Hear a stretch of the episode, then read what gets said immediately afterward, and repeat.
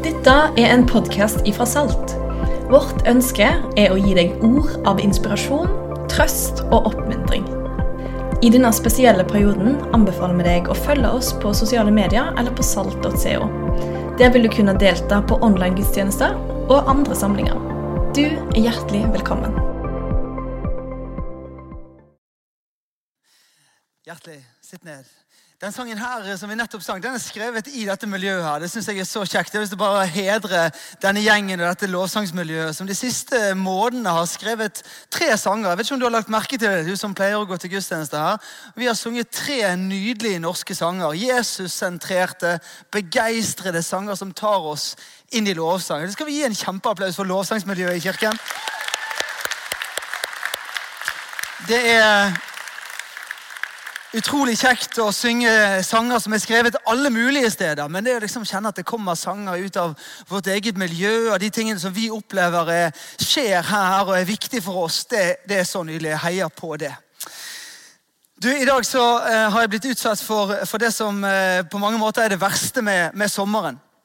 Eh, det, det, som på mange måter for meg blir, blir det som gjør at sommeren er min favorittid av året, men også den mest liksom, krevende tiden. Det heter solkrem.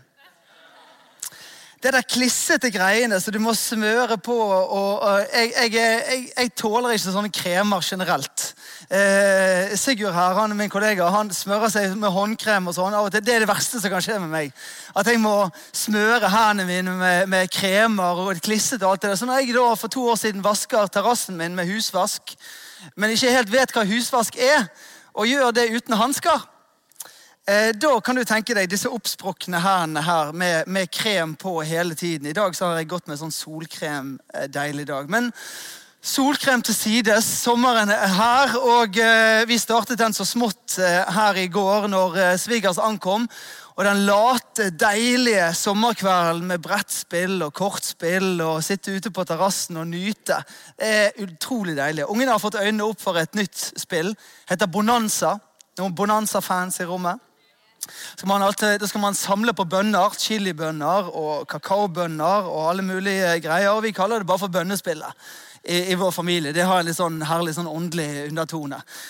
Eh, og, og, du kan starte et tredje bønnearbeid. Det er jo kjempespennende. For oss som, som, liker ekspansjon, så kan du utvide bønnearbeidet. Det var ikke så gøy når min kone hadde da eh, invitert et vennepar av, eh, av oss, eller venninne av henne, med kjæreste. Kom hjem til oss. Han var medlem i Rødt, Human-Etisk Forbund.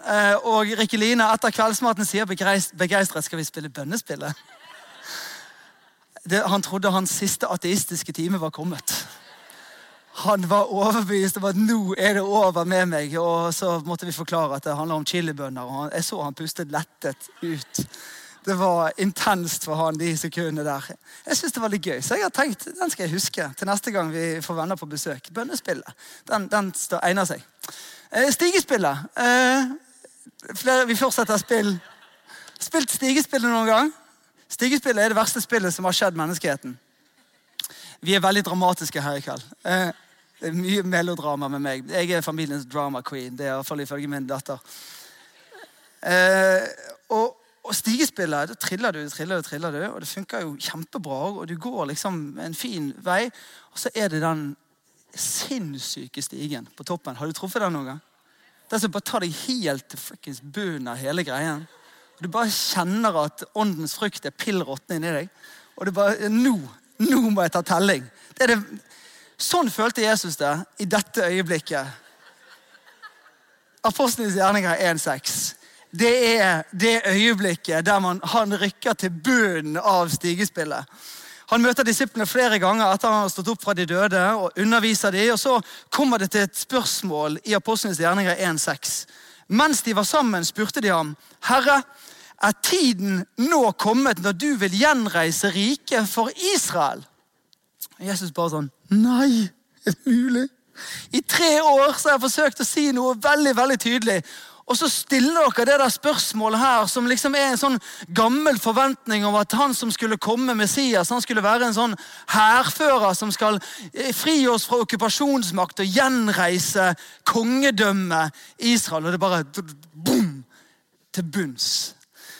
Heldigvis er Jesus litt bedre å håndtere stigespillet enn meg. Så han tenker her er det teaching moment til disse. La meg gi en replikk som løfter perspektivet, som minner de om det jeg har forsøkt å undervise i tre år. Så sier han dette. Dere skal få kraft når Den hellige ånd kommer over dere. Dere skal få være mine vitner i Jerusalem, Judea, Samaria og like til jordens ender. Ah. Vi kan begynne å trille terningen på nytt og nærme oss oppover. I dag har jeg lyst til å snakke om grenseløs kjærlighet. Spoiler-alert fra eh, bak der i sted. Grenseløs kjærlighet. Vi skal snakke om misjon. Misjon som skjer helt her, mens misjon som ikke har noen grenser. Den strekker seg til Judea, Samaria og like til jordens ender. I den replikken her fra Jesus, for Jesus svarer jo på et litt sånn spesielt spørsmål så ligger det skjult det at livet vårt har ikke bare et hva, misjonsbefalingen, men et hvor. Det er et Jerusalem, det er et Judea, det er et Samaria, og det er like til jordens enda. Jeg har lyst til å invitere deg til å henge med på de neste minuttene og snakke om at det å være en kristen det å være en kristen menighet handler om å forstå at vi er kalt til å være grenseløse i vår kjærlighet. Ikke den kjærligheten som kommer av vår prestasjon eller det som presses ut av oss, men Gud er kjærlighet. Og Det å få lov å være en kristen og det å være en menighet, det å være et gjenskinn av den kjærligheten. Ikke bare rett i nærheten, men det er noe grensesprengende, grenseløst over det. Disse her eh, fire stedene, Det er mange måter å tenke om de på. For de som hører disse fire stedene, gjengen som står og spør spørsmålet, så forstår de det veldig tydelig, for de står midt i byen Jerusalem. Så la oss ta det fra vårt perspektiv. da. Her vi står midt i Bergen. Hvordan skal vi forstå det, Jesus sier når han sier at oppdraget har fire adresser? Jerusalem det er vår hverdag.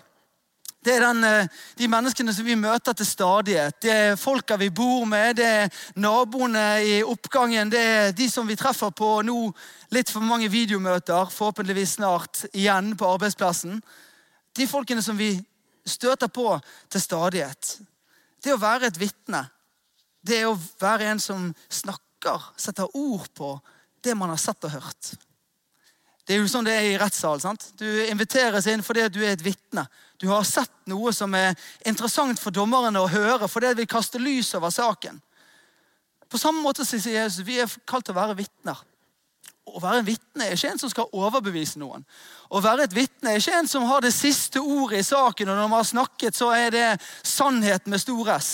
Et vitne er bare enkelt sett et menneske som gir en, gjen, gjengir en opplevelse av hva man har sett og hørt fra der man selv sto. Jesus har ikke bedt noen av oss om å gå ut og gjøre mye, mye mer enn det. Men å være et vitne i Jerusalem for de menneskene som vi omgås i hverdagen. Så har du Judea. Det er det området vi bor i, de menneskene som er rett i bydelen vår, eller i nabolaget, eller nærområdet. Det er kanskje de folka som vi nødvendigvis ikke kjenner, men de er litt sånn lik på oss. Vi har mye til felles med de. En venn av meg som tenkte på dette her verset her, og så tenkte han jeg, jeg kjenner jo mange liksom i mitt Jerusalem, men jeg kjenner ikke så fryktelig mange i det der litt større området. Så han begynte på karate jeg vet, jeg vet, ikke om det er i kategorien kunnskapsord til noen her i dag å begynne på karate. Eh, for han var det liksom kunsten å sikkert få løst noe anger management issues, men, men også få noen nye kontakter. Få noen nye vennskaper, få noen nye muligheter. For meg er det idrettslaget. Det å være nysgjerrig, det å være hjelpsom, det å være interessert i at det bor mennesker her som jeg kanskje ikke kjente fra før av, men de er i mitt Judea. Det er i mitt nærområde. Når Jesus snakker om Samaria, så er det liksom et nøkkelord for fordommer. Jesus snakker om Samaria her, så trigger de jo for den som har lest, lest litt rundt i Det nye testamentet, samaritanere. De folkene som er uglesett av både jøder og andre folk som bodde i nærområdet der. Mange ganger så tenker jeg at vi er veldig flinke til å synes at det er litt dust at jødene ikke bare kunne tenke litt bedre om samaritanerne. Det er vår, liksom vår instinktive lesning, hvis jeg projiserer den litt sånn her. At vi tenker litt sånn Hva er greien liksom med samaritanere? Come on, get over it. men det er jo ganske krevende å se seg sjøl i det speilet og tenke hva type bevisste og ubevisste kategoriseringer er det jeg også gjør i mitt indre. Basert på karriere og utdanning, basert på utseende eller etnisitet, basert på personlighet eller folk sine preferanser, så er det mye Ikke det at vi tenker om andre at de er mindre verd, men vi bare plasserer distanse mellom oss og de. Det er det jødene gjør. De plasserer samaritanerne på distanse. Så sier Jesus ja, men det er ikke sånn at vi skal gå rundt Samaria for å komme til de fine folka. Vi skal gå gjennom Samaria og sitte oss ned ved brønnen hos de vi møter der. Jeg vet ikke hvordan det lander i din egen selvrefleksjon rundt, i, rundt uh, ditt eget møte med mennesker. Om det er noen du går rundt, eller om du går rett på alle du treffer. Om det er sånn at det er noen mennesker du tenker det er ugreit å bli sett sammen med, eller om du er komfortabel med å bli sett sammen med all slags folk. Det er det, det er å være et vitne i Samaria. Det er å være et vitne for også de som er ulike fra deg. På en eller annen måte. Og Så sier Jesus dette til sist. Jordens ende. Det er blitt sagt det, eh, at når man kommer til Bergen, endestasjonen for NSB, så, så opplever man å komme til jordens ende her oppe er jordens ende. Og det er sikkert noen nordlendinger i rommet som syns det var veldig selvopptatt av en bergenser og mener at liksom bare her vest er jordens ende. Men jordens ende, sett fra der de sto i Jerusalem, kan jo vel ha vært her. Helt oppe i nord. Tenk at evangeliet skulle få vei å gå helt opp hit. Eller for oss som er her og bor her, så har vi i dag allerede vært til jordens ende i denne gudstjenesten. I det vi ga i kollekten her i sted, og den faste givertjenesten inkludert, så har en del av det strukket seg til jordens ende, eller til India, for å være helt konkret, som Ruben sa, der denne kirken har et misjonsengasjement. Det å være et vitne har ikke en begrensning av landegrenser, men det strekker seg forbi. Og Jeg har lyst til å gjøre litt av en uh, fokus rundt dette med misjon i denne gudstjenesten før vi skal hoppe til å snakke om kjærlighetens natur og hva kjærlighet er. Utover det å være pastor i denne kirken, så har jeg privilegiet å være daglig leder for det som vi gjør som kirke på misjonsfeltet. Glocal heter det. Det handler om å koble det som vi gjør her lokalt, med et globalt hjerte. Det vi sier i denne kirken her, som du har lagt merke til kanskje allerede på skjermen før gudstjenesten, er at vi sier Åh, Tenk om det kunne være sånn at vi fikk lov å lede mennesker til et nytt og bedre liv i etterfølgelse av Jesus. Tenk om det kunne være smaken av å komme til smågrupper og være på gudstjeneste og møte noen av oss. At man kjenner seg hjulpet til å se at det fins et nytt og et bedre liv med å følge etter Jesus. Og Det er ikke bare en sånn lokal greie. Jeg tenker at Det betyr noe for hvordan jeg ser på hele livet mitt. Det å være en misjonsmenighet det handler om å la det samme som vi brenner for her lokalt, også få lov å få noen sånn globale ringvirkninger. Så tilbake for ti år siden jeg tenkte over det når jeg forberedte meg her denne uken, ti år siden er det gått, siden Øystein dro til India og møtte denne fine familien her. Gladvin og Christina og Mercy de er den familien som vi fikk lov å bli godt kjent med for ti år siden. når Øystein og Gina reiste ned for å undersøke finnes det noe vi kan få være med og stå sammen om helt på andre siden av jorden i India. Gledvin og Kristina er nå litt over 50 år. Dattera deres litt over 20. Steven skal selvfølgelig ikke glemme Steven, deres sønn som eh, var litt yngre på det tidspunktet. De bor i New Delhi. Der eh, har de bodd eh, lang, lang, lang tid. og På det tidspunktet for ti år siden så var de pastorer i en lokal menighet i hovedstaden i India. Og Så fikk vi snakke sammen med de, og Øystein og Gina dro, var nede der sammen med de. Og så sa vi hva kan vi gjøre sammen hvis det finnes en lokal menighet i Norge som ikke er seg sjøl nok, men som har mennesker og eh, midler og et ønske om å være engasjert globalt. Og på ti år, det er liksom tiårsjubileum, innså jeg eh, i denne uken her, så er det om lag 320 menigheter som har blitt plantet. Over 200 mennesker har gått et år på bibel- og menighetsplantings liksom treningsskole. Og det er 12 000 mennesker som har kommet til tro i løpet av disse ti knappe årene.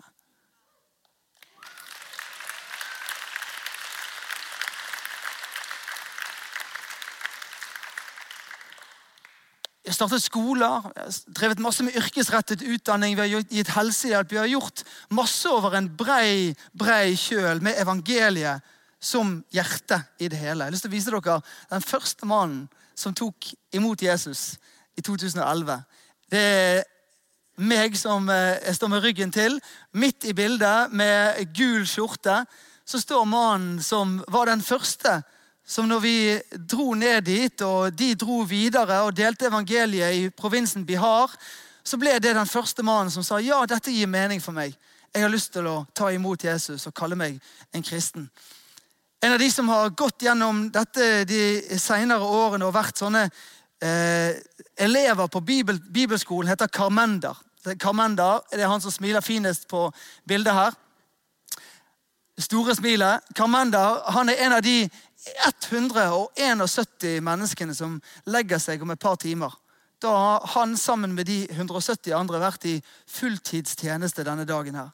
Da har de stått opp, de har invitert til gudstjenestefellesskap, nå under ganske krevende koronaomstendigheter. Så har de bedt for mennesker, så har de hjulpet mennesker, og så legger de seg ned for å sove om et par timer. De er våre venner som er i tjeneste i dag. Kamender han er pastor sammen med sin kone i en landsby som heter Bamhur. og Det er om, omkring 200 mennesker som tilhører den kirken. I løpet av de siste fem årene, han, etter at han og kona dro dit, så er det 200 mennesker som har kommet til tro der. Jeg vil vise dere en nydelig jente. Anjani heter hun. Anjani hun hadde en hud, hudsykdom. Den hudsykdommen hadde de prøvd alt mulig for å få orden på. Og I den kulturen der så vet jo dere det kanskje at det er sånn at man først oppsøker helsehjelp. Og Hvis den helsehjelpen ikke strekker til, så oppsøker man de som tilbyr hjelp og kalles for heksedoktorer. Men det de egentlig ber om, ber alle pengene dine. De har ikke noe de kan hjelpe med, men de tar pengene. Og det, det som Anjani og familien havner ned i, er en sånn dyp spiral av nød og fattigdom. Og det tar, tar overhånd for familien. Og da skjer det, og Dette skjer på klassisk vis. Jeg deler dette både som en fortelling om Manjani og en fortelling om hva evangeliet kan bety. Da reiser en av våre eh, evangelister til den landsbyen som ikke er så langt fra bibelskolen. og Snakker med noen av de voksne der og presenterer evangeliet og spør om hvordan det lander hos folk. Anjani hun sitter på trappen litt bortenfor. Har eh, mer enn nok med seg sjøl og smerten av huden som eh, ikke, ikke er frisk. Men når evangelisten er ferdig med å prate med de voksne, så går hun bort og spør hva, hva det var de prater om. Hun har prøvd å lytte, lytte, inn på samtalen. Og Evangelisten presenterer evangeliet på nytt. og Hun er en ung jente. Han spør hvem familien hennes er. Han blir med hjem til familien. De ber for henne, deler evangeliet med familien. Og I løpet av de neste ti dagene og Han kommer tilbake igjen på besøk flere ganger, og de ber igjen og igjen og igjen. Etter ti dager er huden helt frisk og helt ny. Og det er selvfølgelig For den familien så snur det opp ned på alt. Det snur opp ned på alt. Og De får lov å kvitte seg med noe av det som har vært plagsomt i, i, i livet. og De får økonomisk hjelp til å komme seg ut av det kaoset de har havna i. og Blir en del av en levende, flott kirke i den landsbyen. Og jenta her ser du, er den herligste av de alle. Dere skal få kraft til å være vitner. Jerusalem, Judea, Samaria og like til jordens ender. Det er smaken av å være en lokal menighet her. Det er smaken av et disippelliv for en enkel bergenser som får lov å være koblet på noe mye større. Jeg har lyst til å invitere deg til grenseløs kjærlighet. Ikke tenke at livet ditt er lite og har bare begrensa ringvirkninger. Ditt liv kan ha enorme ringvirkninger. For de menneskene som er rett rundt deg, for de folka du ennå ikke har møtt ennå, men du har en inngang i livet deres til å være en endringsagent, til å være en oppmuntrer. For de folka som du kanskje må innrømme at det er litt vanskelig for deg å sitte deg ned sammen med dem, men kjærligheten forandrer også vårt hjerte. Og så kan vi se folk med friske øyne, ikke basert på fordommer eller stereotypier, men se mennesker. Og så er dette kunststykket da, å tenke at det er jo ikke bare her på dette bjerget vi bor, men vi er en del av en stor verden.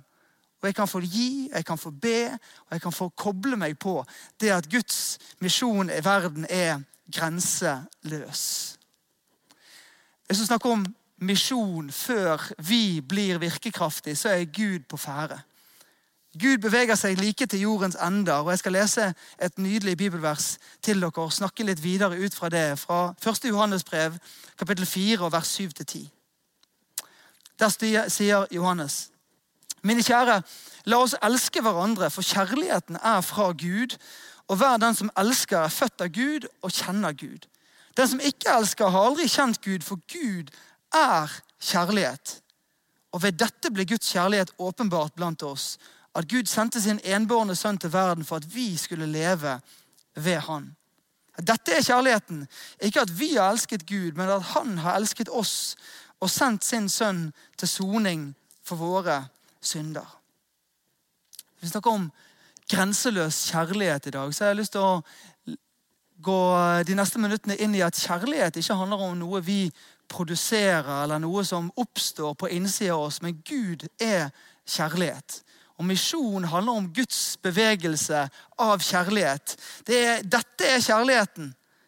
Ikke at vi har elsket Gud, men at han har elsket oss, oss og sendt sin sønn til soning for våre synder. I kjærlighetens sammenheng så er vi først og fremst privilegerte mottakere, og ikke sånne som presterer noe. Jeg har to uh, herlige småttiser som etter hvert har blitt ganske store. Og så en eh, liten en på tre år som, som, tror han er like stor som neste yngstemann.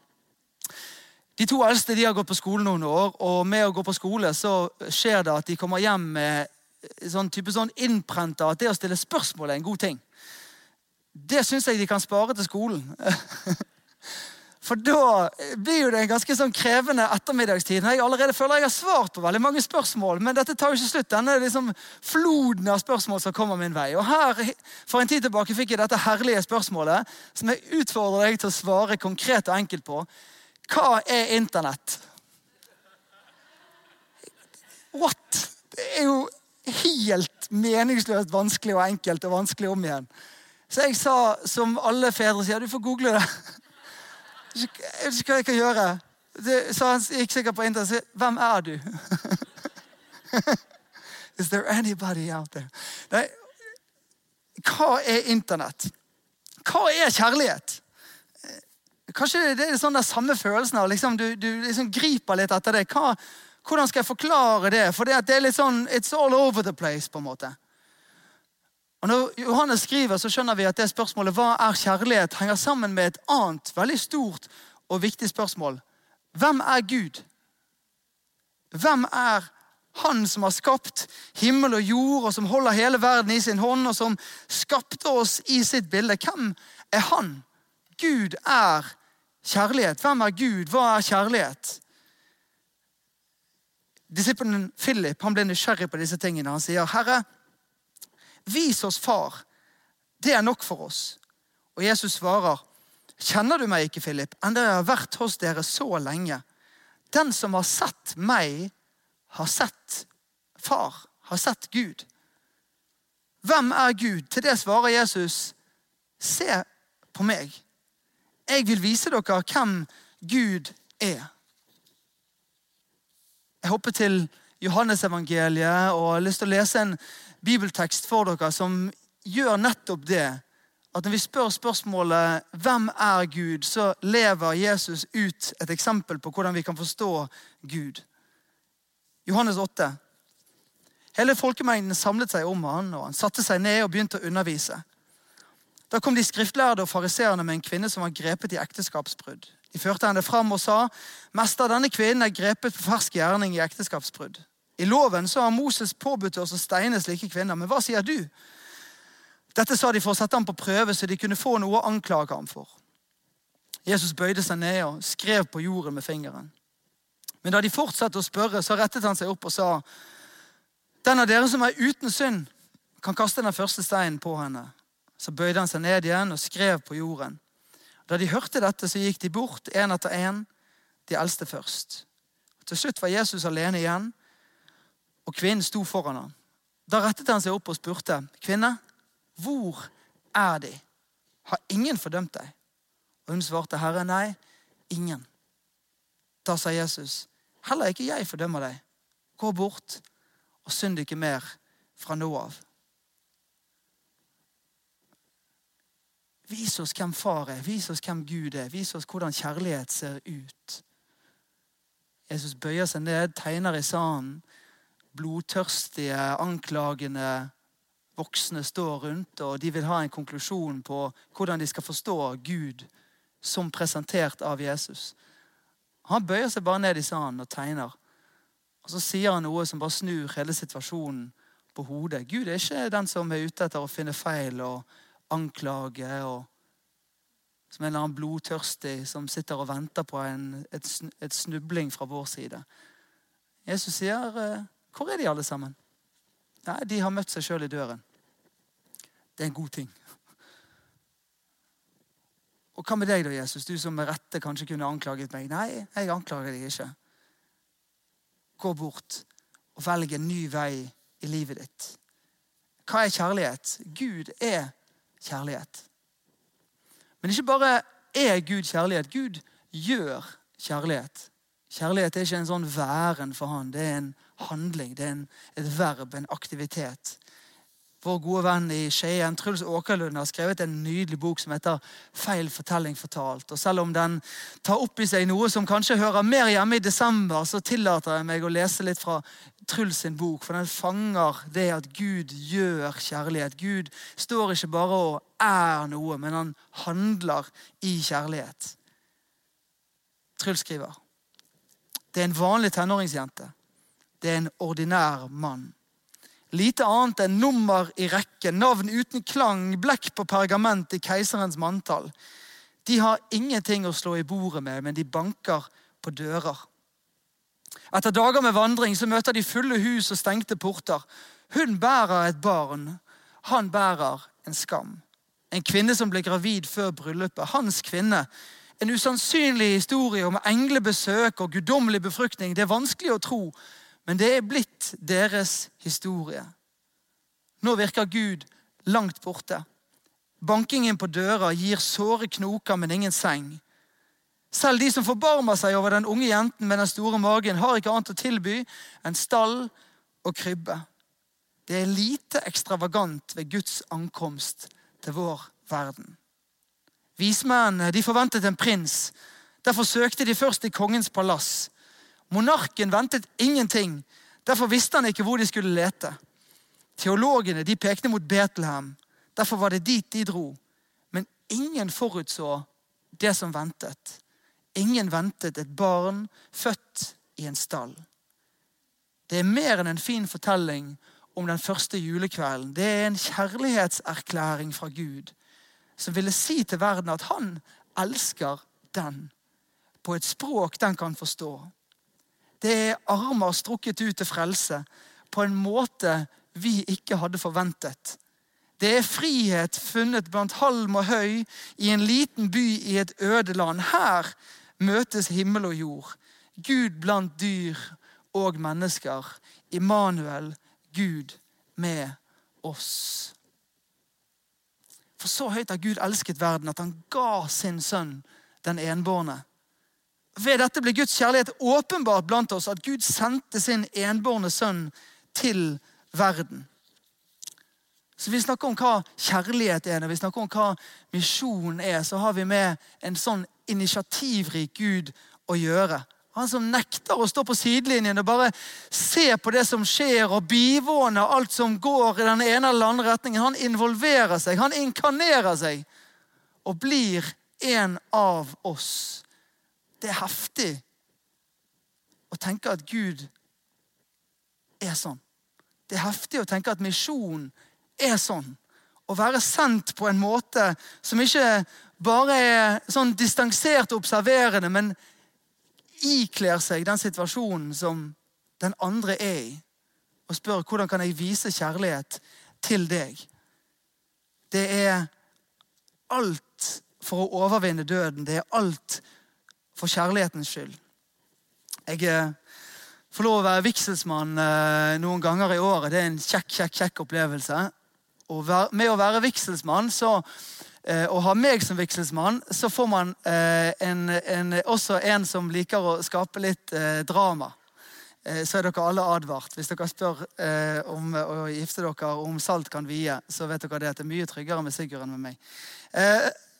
For Midt i dette romantiske eh, øyeblikket så skjuler det seg et sånt lite drama. Og det dramaet syns jeg er veldig spennende. Det er det dramaet som oppstår eh, når de skal gi hverandre sitt ja. For det som skjer i det øyeblikket, det kjenner du godt, det er at de får ikke lov å svare i kor. Det hadde jo på en måte vært rettferdig, men det er sånn at den ene må svare først. Mannen må svare først. Vil du ha denne? Love, elske, ære, gode, onde dager. Ja. Og da venter jeg.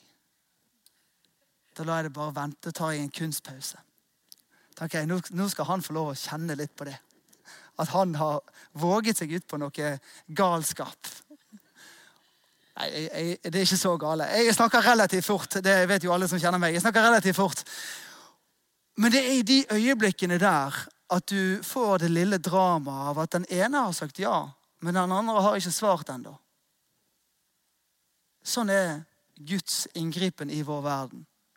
Han sier ja først. Med en forhåpning, en lengsel og et ønske om at det skal komme et gjensvar. Et ja tilbake igjen. Men han vet ikke.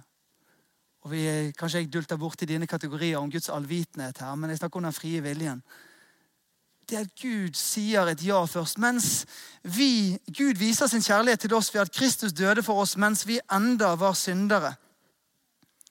Før vi hadde beveget oss i retning av han, så kommer han oss i møte uten å vite hva meg eller din venn eller din nabo eller den personen du kjenner på arbeidsplassen, eller vennene til våre venner i India vil svare, så sier han ja først.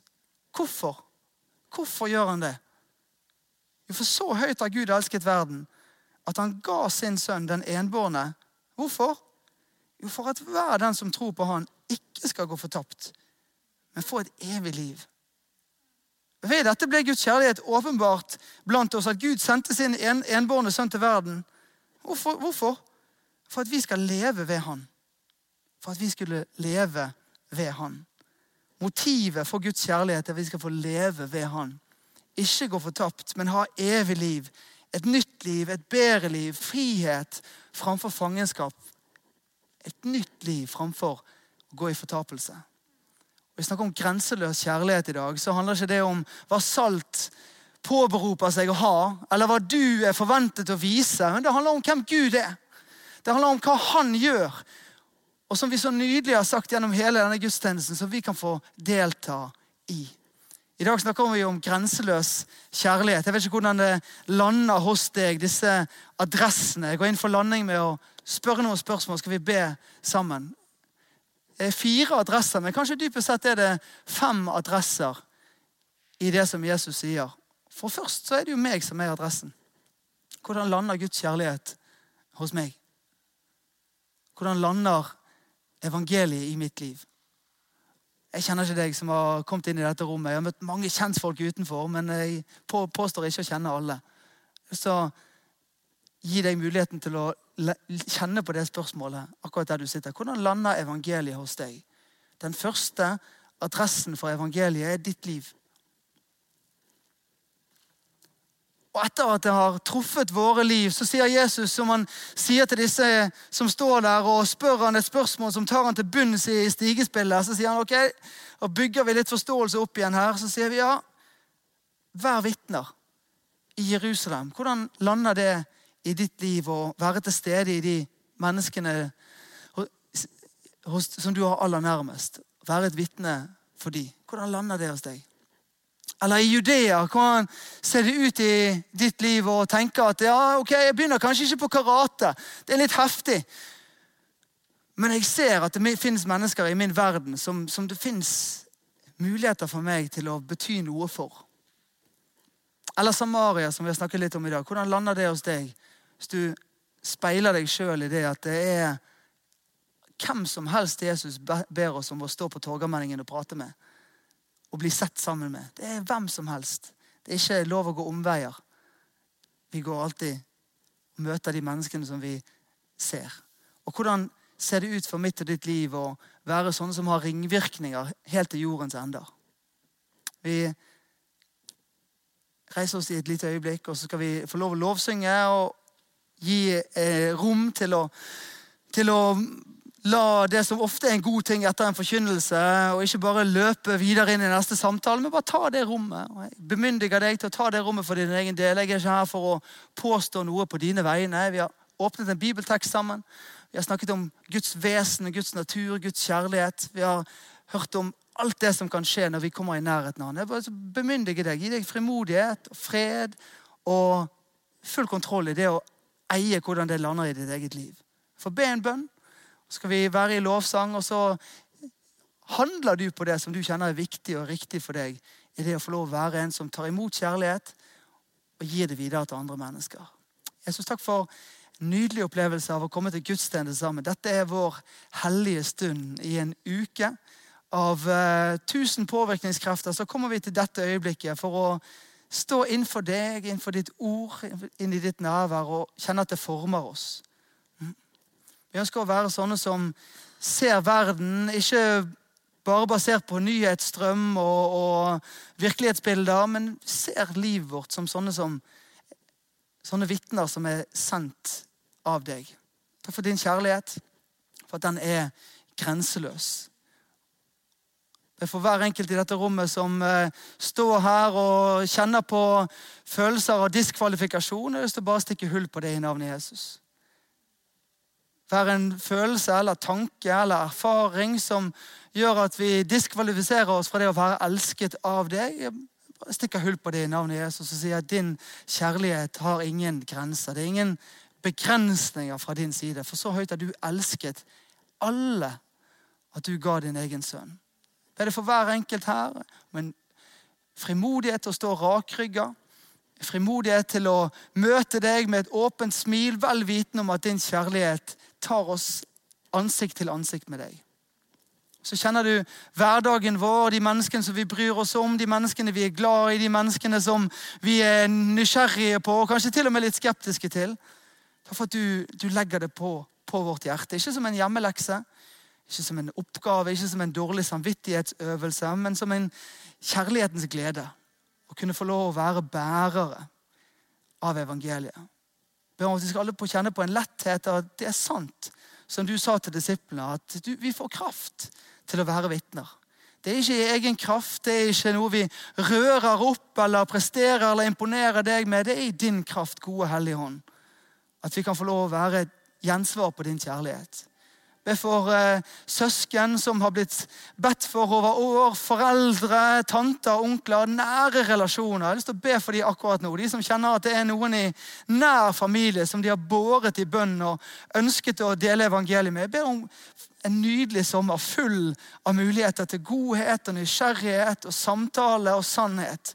Jeg ber om det i navnet Jesus. Det skal finnes, finnes der over grillen, der over jordbærene, så finnes evangeliet til stede i ord og handling. Be for eh, naboskap og kontakter gjennom hobbyer og fritidsinteresser. Jesus, la det få lov å være sånn at vårt liv er salt. Det skaper en tørst. Det skaper en nysgjerrighet hos folk å møte sånne som ikke imponerer dem, men som fanger nysgjerrigheten deres. For du har tatt bolig i oss.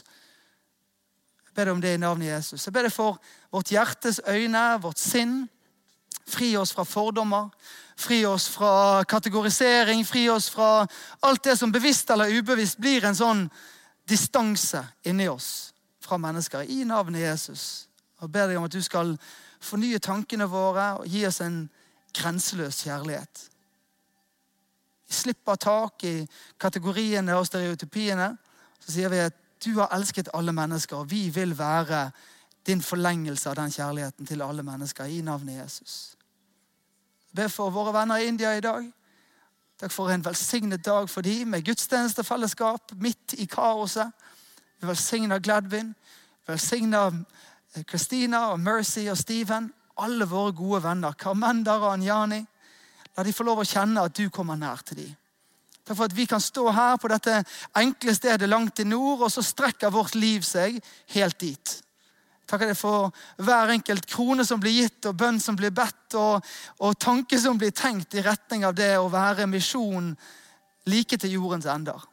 Jeg ber om at du skal gi oss en klarhet og en nød i vårt hjerte til å la livet vårt ha store, store ringvirkninger, sånn som du elsker hele verden. Mm. Takk, gode Hellige Ånd, for at du er her. Inviterer deg til å røre mitt liv og mine tanker. Inviterer deg til å være her til stede hos oss nå for å sette to streker eller lys eller klarhet rundt hvordan ditt ord kan lande på en god plass i vårt liv. I Jesu navn jeg ber. Amen.